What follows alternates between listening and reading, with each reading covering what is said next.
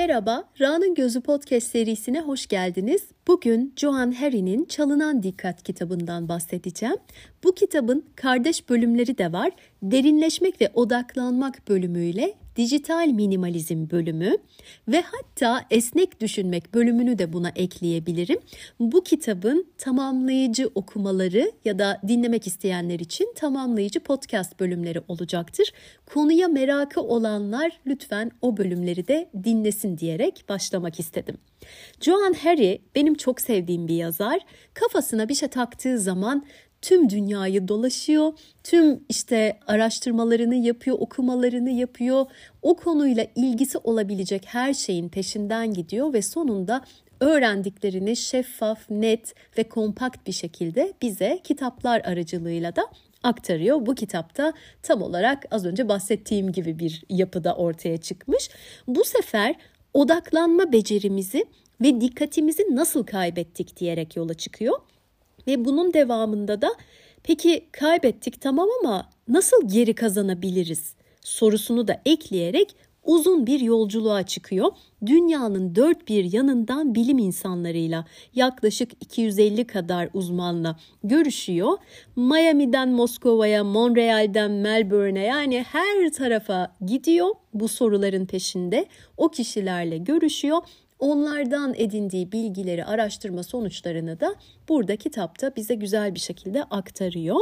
E, bu arada web sayfasında ve kitabın arkasındaydı yanlış hatırlamıyorsam bazı söyleşilerin linkleri de var. Merak edenler o uzmanlarla yaptığı uzun uzun söyleşileri oraya tıklayarak dinleyebiliyorlar.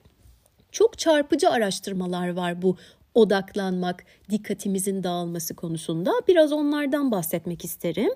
Mesela Amerika'da ortalama bir üniversite öğrencisi 65 saniye gibi bir sürede e, meşgul olduğu bir şeyden başka bir şeye geçiyor. Yani bir yerde durma ortalaması 65 saniye olarak ölçülmüş. Bilgisayarlarının içine izleme yazılımları konuluyor ve sonrasında izleniyor bu öğrenciler.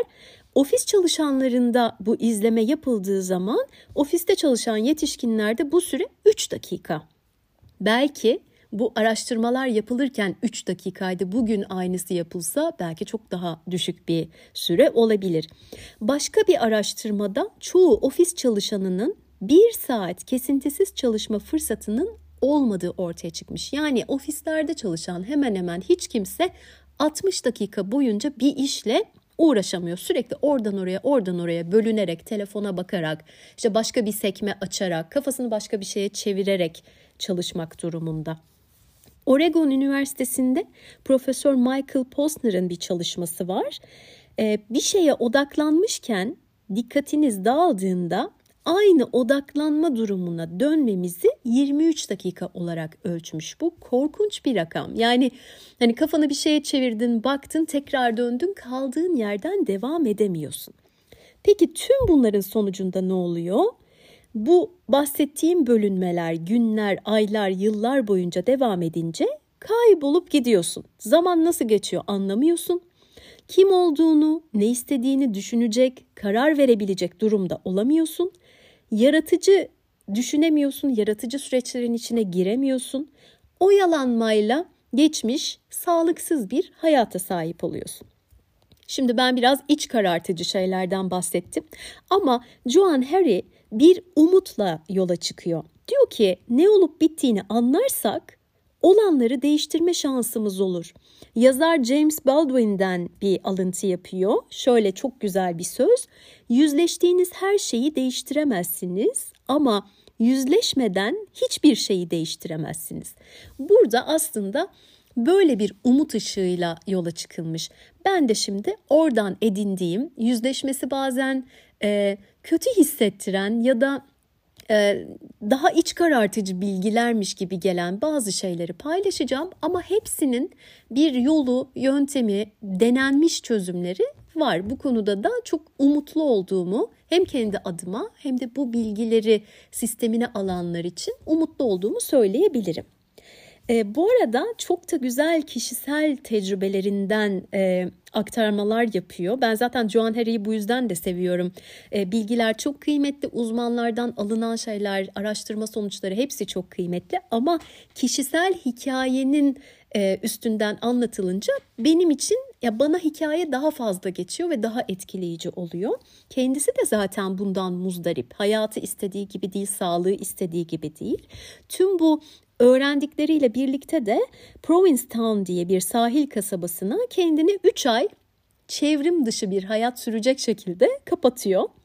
Telefonunu yani akıllı telefonunu iPhone'unu bir arkadaşına teslim ediyor. Eski model sadece SMS atabilen ve arama yapabilen bir telefon ediniyor. Onu da bulması çok zor oluyor. Komik şeyler de var kitabın içinde. Ee, ve yanına internete bağlanamayan çok eski bir model dizüstü bilgisayar alıyor. Bunları edinmesi de işte bunu da bir arkadaşından buluyor ve e-mailini de otomatik cevaplayacak şekilde ayarlıyor 3 ay erişilemez olduğunu otomatik olarak kendisine e-mail atan herkes öğrenmiş oluyor bu şekilde.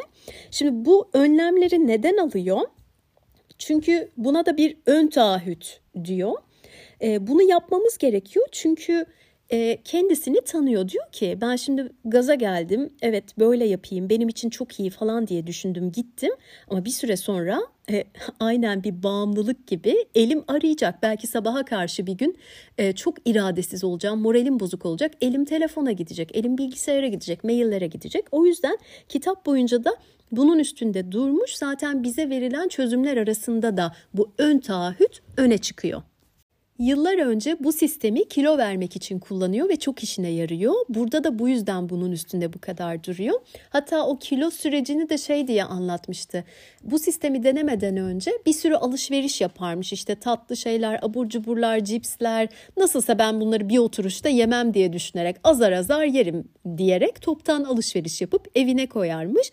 Ama sonra bir baktım diyor kendimi işte e, gecenin bir yarısında hepsini önüme almış yerken buluyorum. Çözümü ne? Tabii ki eve onları sokmamak. Bu arada ben bununla ilgili daha önce farklı bölümlerde konuşmuştum. Yine benzer örnek kullanarak. Tabii ki idealimizde e, açık büfeler olsun. Ben sağlıkla içimden geldiği kadar hiçbir duygusal şeye yer vermeden sezgisel beslenme yöntemiyle en sağlıklı tabağı yapıp yemek en idealidir ama eğer şu an bu iradeye sahip değilsen ya da e, bu güçte hissetmiyorsan, bu sisteme hazır değilsen yani kendine işkence etmenin ve iradeni sonuna kadar zorlamanın da bir anlamı yok. Tam olarak bunu kullanıyor ve bu ön taahhütü gelecekteki halinin elini kolunu bağlamak olarak tanımlıyor. Zaten haklı da çıkıyor çünkü çok zorlandığı zamanlar oluyor. En başlarda özellikle sıkılıyor, her şey çok yavaş. 20 yıldan fazla süredir birçok insanla sinyal alışverişi yaptığını fark ediyor. Bir anda o sinyal kesiliyor. Arama, mesaj, WhatsApp, e-mail, Facebook, Twitter yani hiç hiçbir şey yok. Sinyal birden kesildi. Bunun için şey demiş kitapta. Dünyanın bana seni görüyorum, duyuyorum deme yollarıydı sanki bunlar. Sana ihtiyacımız var. Daha çok sinyal gönder. Şimdi sinyaller ortadan kaybolunca dünya bana sen önemli değilsin der gibiydi diyor. Ee, bu arada şöyle bir şey de var. Şimdi bu e-maillerine otomatik cevap yapıyor ya e, işte 3 ay erişilemez olduğu cevabı kendisine kim ulaşmak isterse bu otomatik cevap gidiyor. Bu kapanma çevrim dışı dönemi bittikten sonra 3 ay sonra eline iPhone'unu aldığı zaman zaten böyle tuhaf bir tecrübe yaşıyor. Garip geliyor ona yabancı geliyor.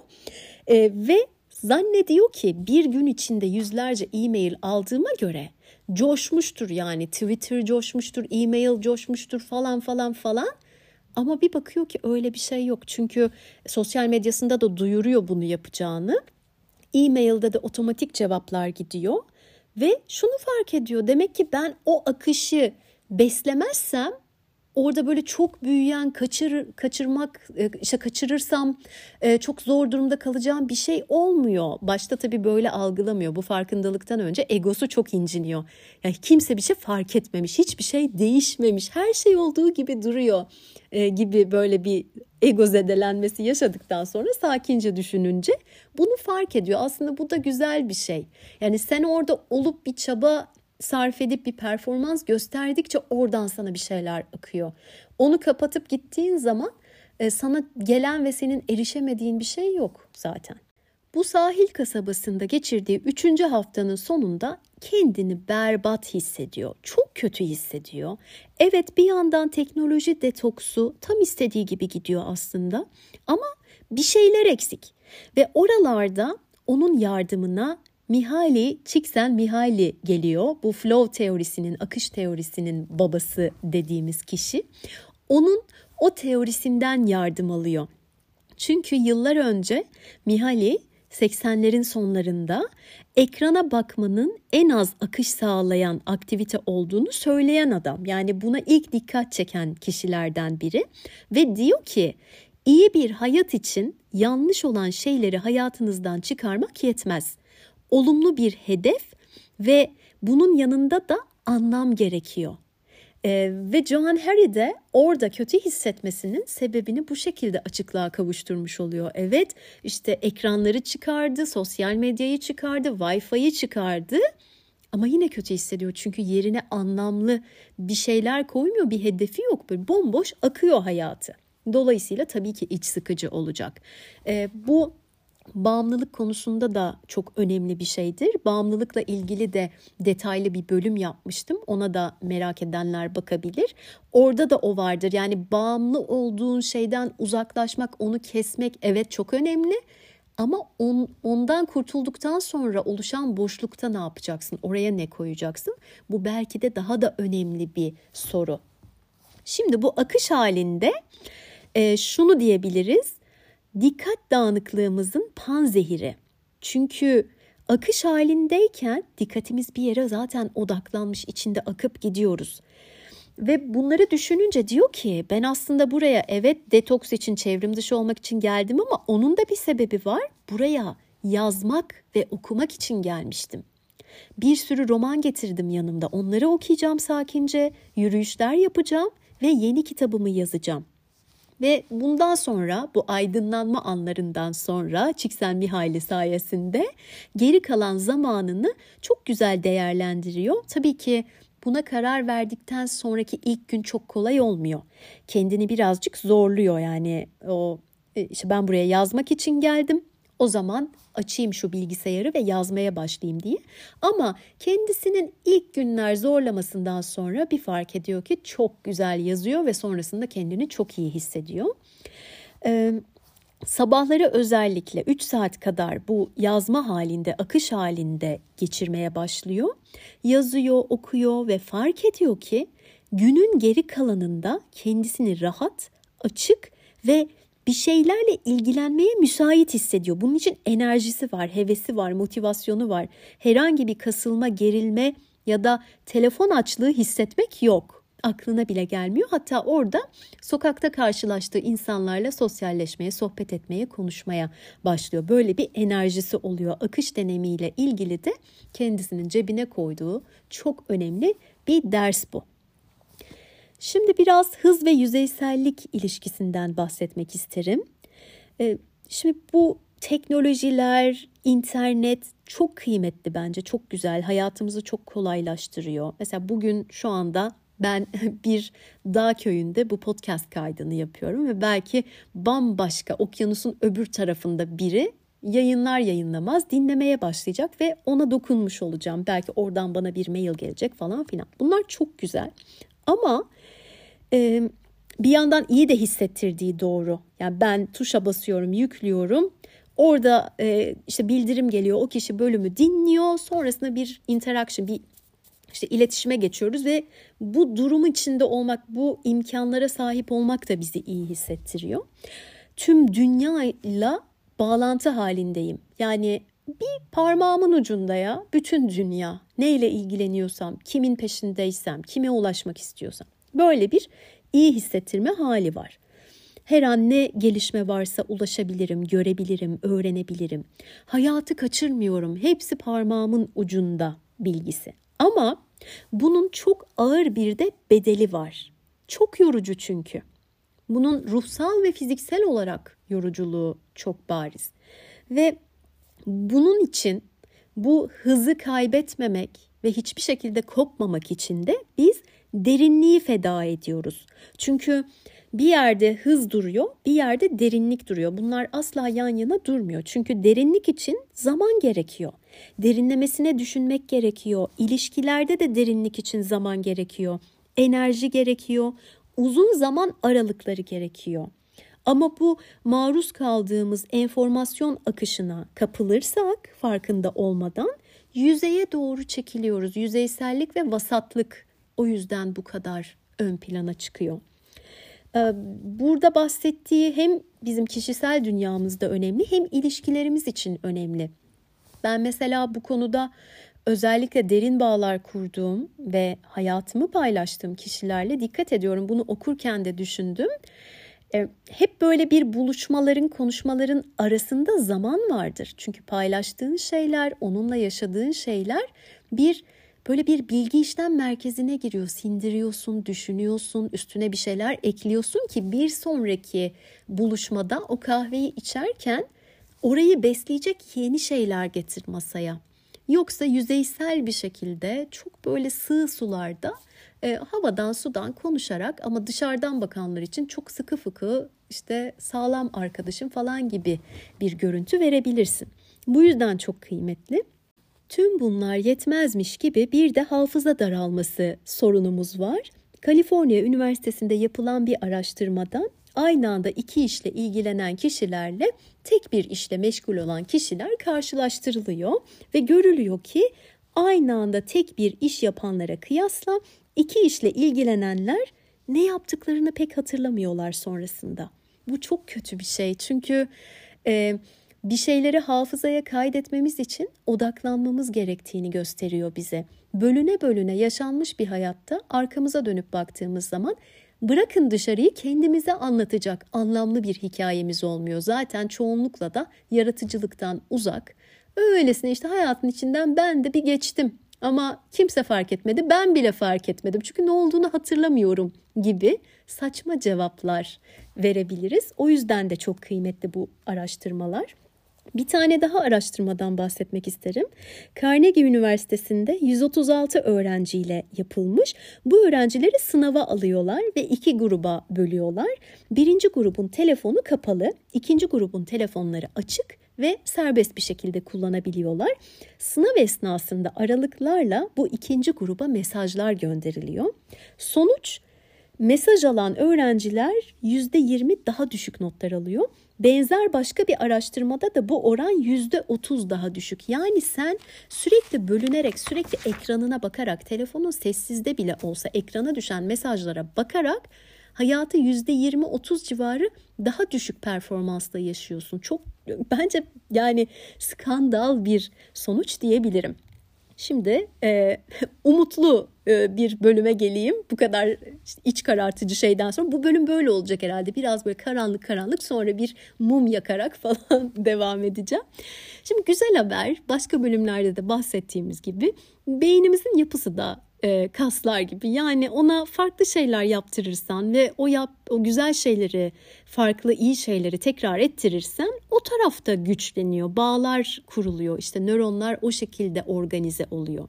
Yani bu anlattığım şeyler aslında bizim alıştığımız eğer bu şeyler kendi dünyanızda da gözlemlediğiniz şeylerse onun nöron bağlantıları kurulmuş ve kuvvetlenmiş. Bunu tersine çevirmek de mümkün. Tabii ki başta biraz farkındalık ve çaba gerekiyor. Bilinçli bir çaba gerekiyor. Bunun için uyku çok önemli. Sağlıklı uyumak çok önemli. Hatta şöyle söyleyeyim altını çize çize. Uyku dikkatimizi toparlamak için aşırı aşırı aşırı önemli. Yeterince ve sağlıklı uyumuyorsan bu bahsettiğim her şey başına gelebilir. Çaresi de bizim doğal ritmimizi elimizden geldiğince yakalayabilmek bu ta atalarımıza kadar gidiyor. Neydi onların doğal ritmi? Gün ışığına göre organize olmak, güneşle birlikte güne başlamak, güneş gidince senin de uykuya geçmen gibi bir şey. Çünkü burada zindelik kabarması diye benim ilk defa duyduğum ve çok etkilendiğim bir kavram var. atalarımızın çok işine yarayan bir durum. Bu nedir? Güneş batarken bizim bir anlık böyle bir enerjimiz yükseliyor. Burada kabarma dediği şey. Neden? Çünkü ışık azalırken o enerjiyle güven içinde kabilenin yanına dönüp bazı işlerimizi halledebiliyoruz. Sonra o kabarma geçiyor ve biz uykuya geçebiliyoruz. Burada gün ışığını takip etmek var binlerce yıl önce. Ama bize gelirsek e, gün ışığını aslında biz kontrol ediyor gibiyiz. Yani ışık ne zaman kapanacak ben karar veriyorum. Güneş ne zaman batacak ben karar veriyorum. Kontrol ediyorum onu. Ve yatmaya karar verirken yani uykuya geçeceğim anda ışıkları, ekranı falan kapatırsam bu zindelik kabarması ortaya çıkıyor. Çok böyle derinlerde bir yerde. Ve bu ani ışık azalmasını, gün batımı zanneden bedenimde tamam mağaraya dönebiliriz o zaman diyor. Enerjisi artıyor. Taze bir enerji dalgası oluşturuyor. Ama ben o sırada yataktayım ve şey diyorum. Yani hani ya yani her şey okeydi uykum da gelmişti şu an uykum kaçtı deyip kalkıp tekrar dönüyorum ışığı açıyorum ekranı açıyorum bir şey açıp izliyorum falan falan falan. Normal şartlar altında yani gün batımına yakın saatlerde akşam 5-6 gibi bunun olması gerekiyordu. Benim yavaş yavaş toparlanmaya, kapanmaya geçmem gerekiyordu ama bu bahsettiğim şey gece 12'de olunca 1'e gidiyor, 2'ye gidiyor, 3'e gidiyor. Neyse artık senin o günkü performansın ve potansiyelin tepe taklak oluyorsun. İkinci günü kurtarmaya çalışıyorsun. Günü uykusuz geçiriyorsun. Kahve e, yükleniyorsun gibi gibi şeyler ve kitapta çok net e, sonuçlar, araştırmalar, gözlemler, bilim adamlarının görüşleri var. E, yeterince uyku almadığın zaman yani çok alkol almış gibi e, işte çok böyle kötü bir e, zihinsel süreçteki insan gibi aktiviten oluyor. Dışarıdan bakan anlamıyor. Bu arada gün içinde de aslında beyninin uyuduğu anlar oluyor. O da dışarıdan bakınca anlaşılmıyor. Sağlıksız kararlar veriyorsun. Yaratıcı düşünemiyorsun. Ee, yani duygusal olarak da kendini koruyacak, ayakta tutacak bir ruh hali içinde de olmuyorsun ama ne olduğunu da bilmiyorsun. Yani az uykuyla idare ettim, hayatı yakaladım zannediyorsun. Şimdi ben çok detayına girmeyeceğim. Dediğim gibi kitapta buna çok muazzam bir bölüm ayrılmış ve çok güzel bilgiler var. Çözümü, basit çözümü uyumadan önce ekranlardan belli bir süre uzaklaşmak. Yani ekranı kapatıp ışığı kapatıp uykuya hemen dalmayı beklememek. Kendine uykuya geçiş için belli bir zaman vermek. Hatta bunu ritüel haline getirebilirsin. Çok minik bir ışıkla işte biraz kitap okuyabilirsin, ılık bir duş alabilirsin, mumlar yakabilirsin, hafif bir müzik dinleyebilirsin. Bilmiyorum yani herkesin o seveceği ve uykuya daha soft geçeceği şey farklıdır. Ee, şeyi de eklemek isterim. Ee, karanlık ve serin hatta mümkünse soğuk bir ortamda uyursan çok daha sağlıklı oluyor. Şimdi gelelim benim en sevdiğim bölümlerden birine. Kitap okumak. Dikkati toplamak için çok iyi ve faydalı bir aktivite. Kitap okumakla ilgili de farklı bölümler yapmıştım. Bu kitapta bahsedilen şeyleri kompakt olarak paylaştığım okumak nefes almaktır diye bir bölüm var. Ona bakabilirsiniz. Mihaly de bizimle aynı fikirde. En yaygın ve en basit akış biçimi kitap okumak diyor. Derin odaklanma biçimi çünkü kitap okumak. Tek bir şeye, tek bir konuya sakin sakin saatler ayırabiliyoruz ve e, demlenmeye izin veriyoruz. Bu çok önemli bir şey. Ama burada şöyle bir detay da var. Kağıttan okumak önemli. Ekrandan okuyunca ekran bize beynimize hemen atlayıp zıplamak, farklı bir şeye geçmek, farklı bir şeye tıklamak, e, farklı sekme açmak gibi davranışları hatırlatıyor. Biraz o tarafa doğru yönlendiriyor. Hatta okumaktan taramaya geçiriyor bizi. Göz gezdirme e, şeklinde. Bunun kötü tarafı da sen buna alışınca kağıttan okurken de bu okuma tarzına devam edebiliyorsun. Orada biraz uyanık olmak lazım. Buna e, bir de ekran dezavantajı e, ekleniyor. O da nedir? Araştırmalar yapılıyor bununla ilgili ve e, basılı kitapta yazılanları daha iyi anladığımız ve daha iyi hatırladığımız ortaya çıkıyor. Ben bu konuda birazcık şeyim yani e, kesinlikle ilk tercihim basılı kitap Ama bazen bulamıyorsun. Eski bir basım oluyor, o an basılmıyor oluyor, satılmıyor oluyor, ulaşılmaz oluyor, yurt dışından gelmemiş oluyor. Benim için öncelik e, Hani kitap okuyacaksam kağıt mı ekran mı dersen kesinlikle kağıttır. Ne kadar kalın olursa olsun elimden geldiğince. Ama bunun da önüne geçen bir diğer ihtiyacım ve önceliğim de o bilgiyi almaktır. Yani basılı hali yoksa ben bunu tabletten okurum. Hatta bu kitabı da tabletten okudum. Çünkü bu kitabı almak istediğim zaman yoktu stoklarda. Benim de böyle bir Murphy şeyim var. Ben zar zor çünkü bazı kitapların elektronik versiyonu da satılmıyor. Sen onu deep web işte internetin derinliklerine girerek bulmak zorunda kalıyorsun. Ben ne zaman böyle bir yolculuğa girişsem sonunda bulsam okumaya başlasam şeyden uyarı gelir. İşte beklediğiniz kitap stoklara gelmiştir. Neyse bu bilginin şu an bu bölümde ne işi var? Şeyi savunmaya çalışıyorum anladığım kadarıyla. Yani e, tabletten okuduğumda sor bakalım neden okudum. Bazen gerekiyor. Ha bu arada ben onu offline yani çevrim dışı yapıyorum. Ben iPad'imden okuyorum. Ama ben iPad'imden kitap okurken telefonumun sesi kapalı, bildirimleri kapalı, hatta telefonumun interneti kapalı, iPad'in de interneti kapalı. Yani benim tıklayabileceğim hiçbir şey yok o tablette. E, o yüzden ben buradan birazcık puan alırım diye düşünüyorum. Ay nasıl bir açıklama yaptım. Şimdi kitap empati için de çok önemli. Hatta bu kitapta kitap okumanın, kitabın empati için spor salonu gibi e, görev gördüğünü söylüyor. Çünkü başka birinin kafasının içinde olma deneyimi sunuyor sana. Başkasının hayatını yaşıyorsun, duygularının içine giriyorsun, beyninin kıvrımlarında dolaşıyorsun. Bu yüzden çok kıymetli. Ve bir araştırma e, okuduğum kitapta e, bir grup insana şey gösteriyorlar. Daha doğrusu iki grup insan var yine. Bir grupta böyle çok roman okuyanlar, bir grupta da az okuyanlar. Fotoğraflar ve videolar gösteriyorlar ve oradaki insanların ne düşündükleri, ne hissettikleri konusunda sorular soruyorlar. Ve daha fazla roman okuyanlar diğer insanların duygularını okumak, anlamak konusunda bayağı fark yaratacak şekilde öne çıkıyor. Burada önemli olan şey Eğitimle bunun ilgisi yok. Yani eğitici kitaplar, e, bu kitap gibi kurgu dışı kitaplar falan buna dahil değil. Yani bizim roman yani kurgu kitaplar okuduğumuz zaman o karakterlerin olduğu, hikayelerin olduğu kitaplar okuduğumuz zaman bu etki var. O yüzden e, bunun altını ben de çizmek istedim. Evet böyle kitaplar okumak da çok güzel, çok bilgilendirici, çok faydalı ama çok iyi bir romanın yerini de tutmuyor diğer birçok konuda. Bir diğer ihtiyacımız olan şey ise zihin gezinmesi.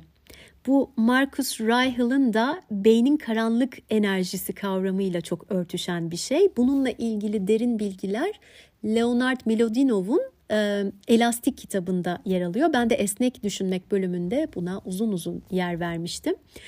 E, mesela çok zor bir geometri sorusunu çözmeye uğraşırken cevabı bulamıyoruz. Sonra onu bırakıp mutfakta salata yaparken cevap kesme tahtasında beliriyor. Bu yaşanmış bir hikayedir.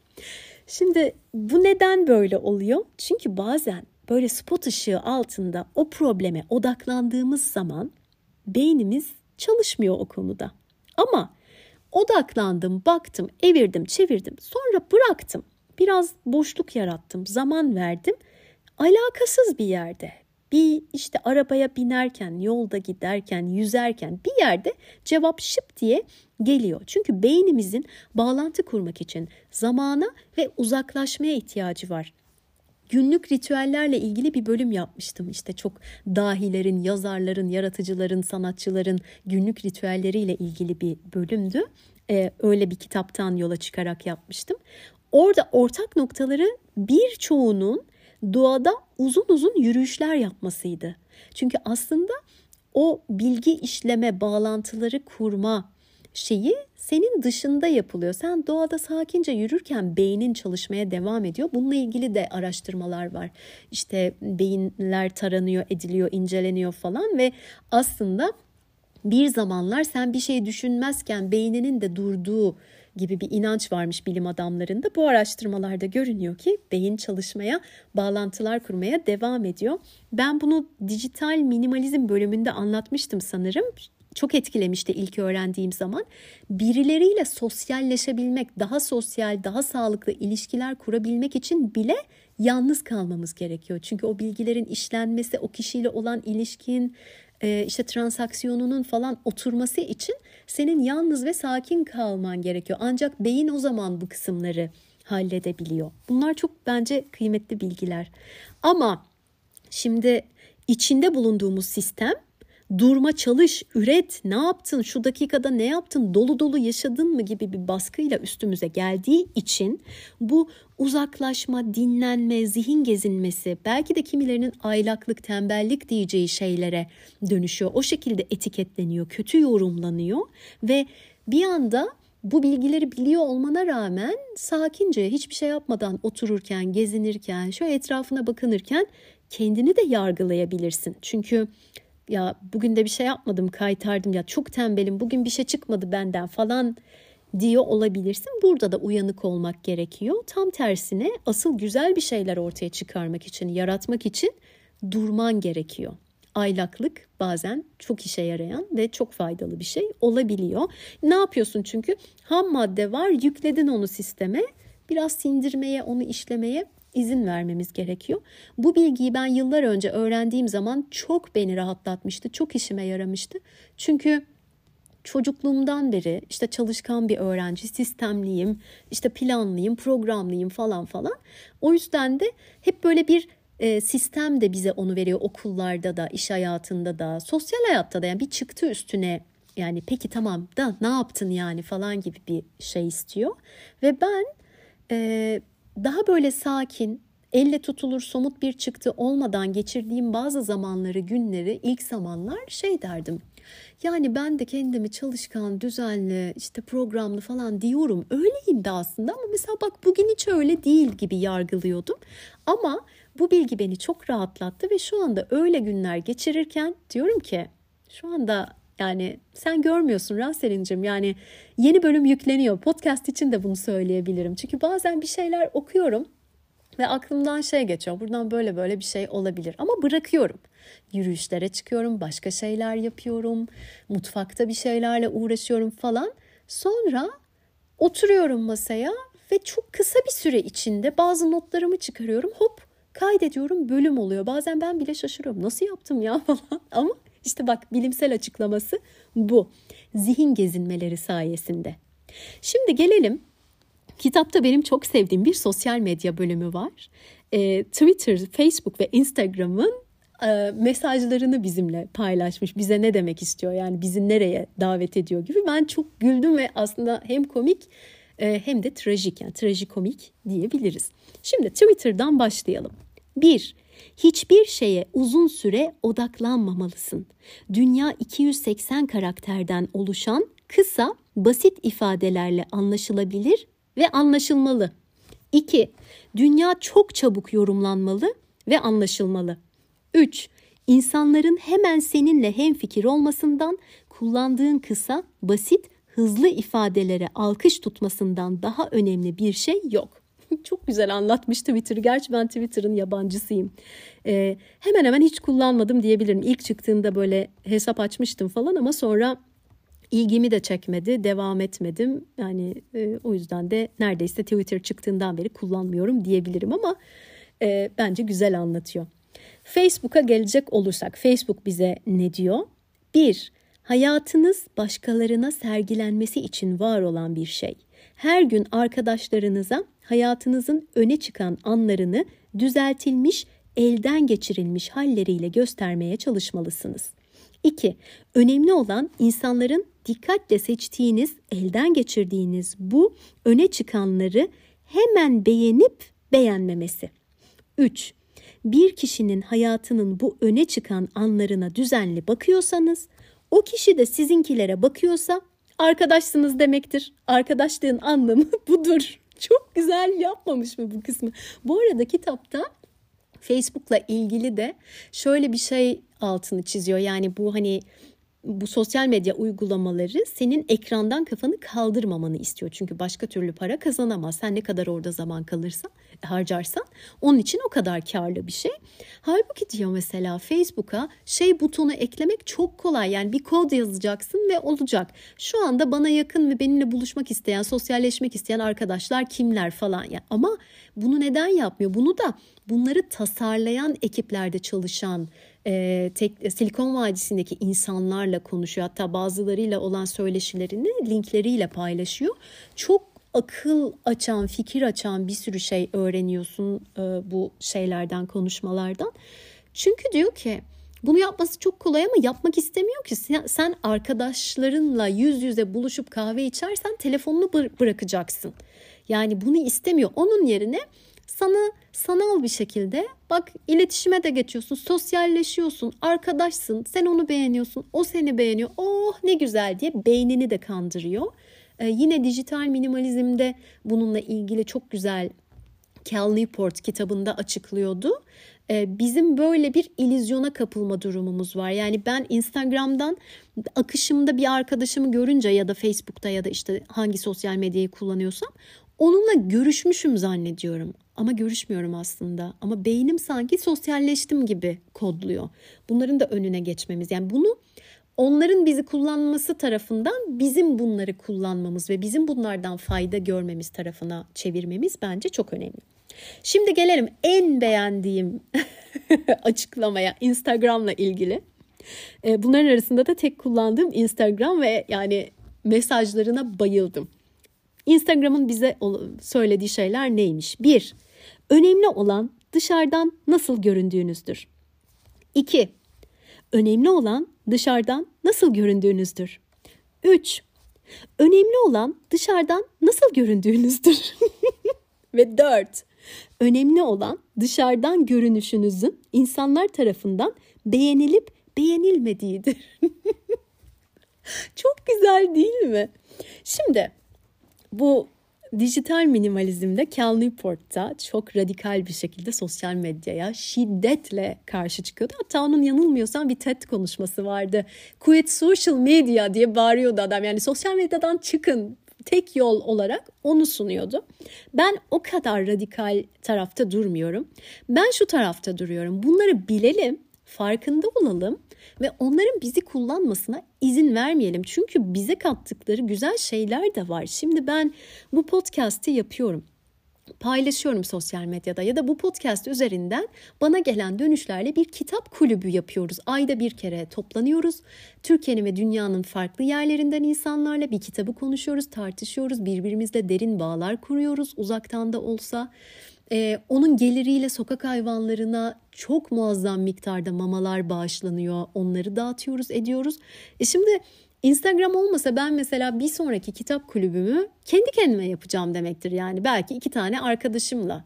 Ee, o yüzden hani getirileri var bunları da görelim güzellikleri var bir şeylerden haberimiz oluyor ihtiyacımız olduğu zaman yardım isteyebileceğimiz hastamız için kan bulabiliyoruz bazen yani bir sürü bir sürü şeyi var ama onun içinde kaybolup gitmek böyle sonsuza kadar o akan şeyi aşağı kaydır kaydır kaydır. Ya bizim belki de buradaki anahtarımız bunun sonu yok diyebilmek. Yani o kaymanın içinde kendini kaybetmemek. Bu şey için de öyledir. Yani hadi sosyal medya son dönemde daha böyle bağımlılık yaratan bir şey ama zamanında bu yokken televizyon varken bir şey varken şey sözünü hatırlıyorum bizim böyle şiddetle televizyona karşı çıkan bir öğretmenimiz vardı.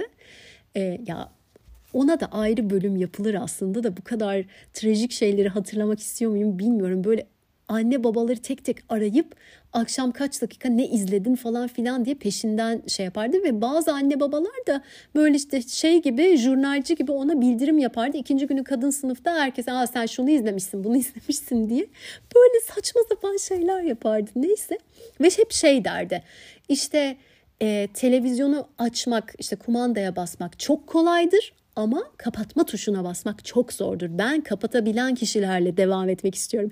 Nereye devam ediyorsun ya? İlkokuldayız. Yani bir yere devam etmeyeceğiz. Ne diyorsun Allah aşkına ya? Yani hani sanki böyle aldık ülkeyi kurtarıyoruz. Kurtuluş Savaşı'ndayız ve ben yola bunlarla de. Ne yolu ya? Yani yolumuzun o dönem ilkokulun 5 sene olması ve bitmesi kadar güzel bir şey yok. Ee, ben kanepeme uzanmadan Ama bunu düşüneceğim. Şu anda mesela zihin gezinmesi için güzel bir konu buldum. Acaba ilkokul öğretmenime bir bölüm yapsam mı? Neyse.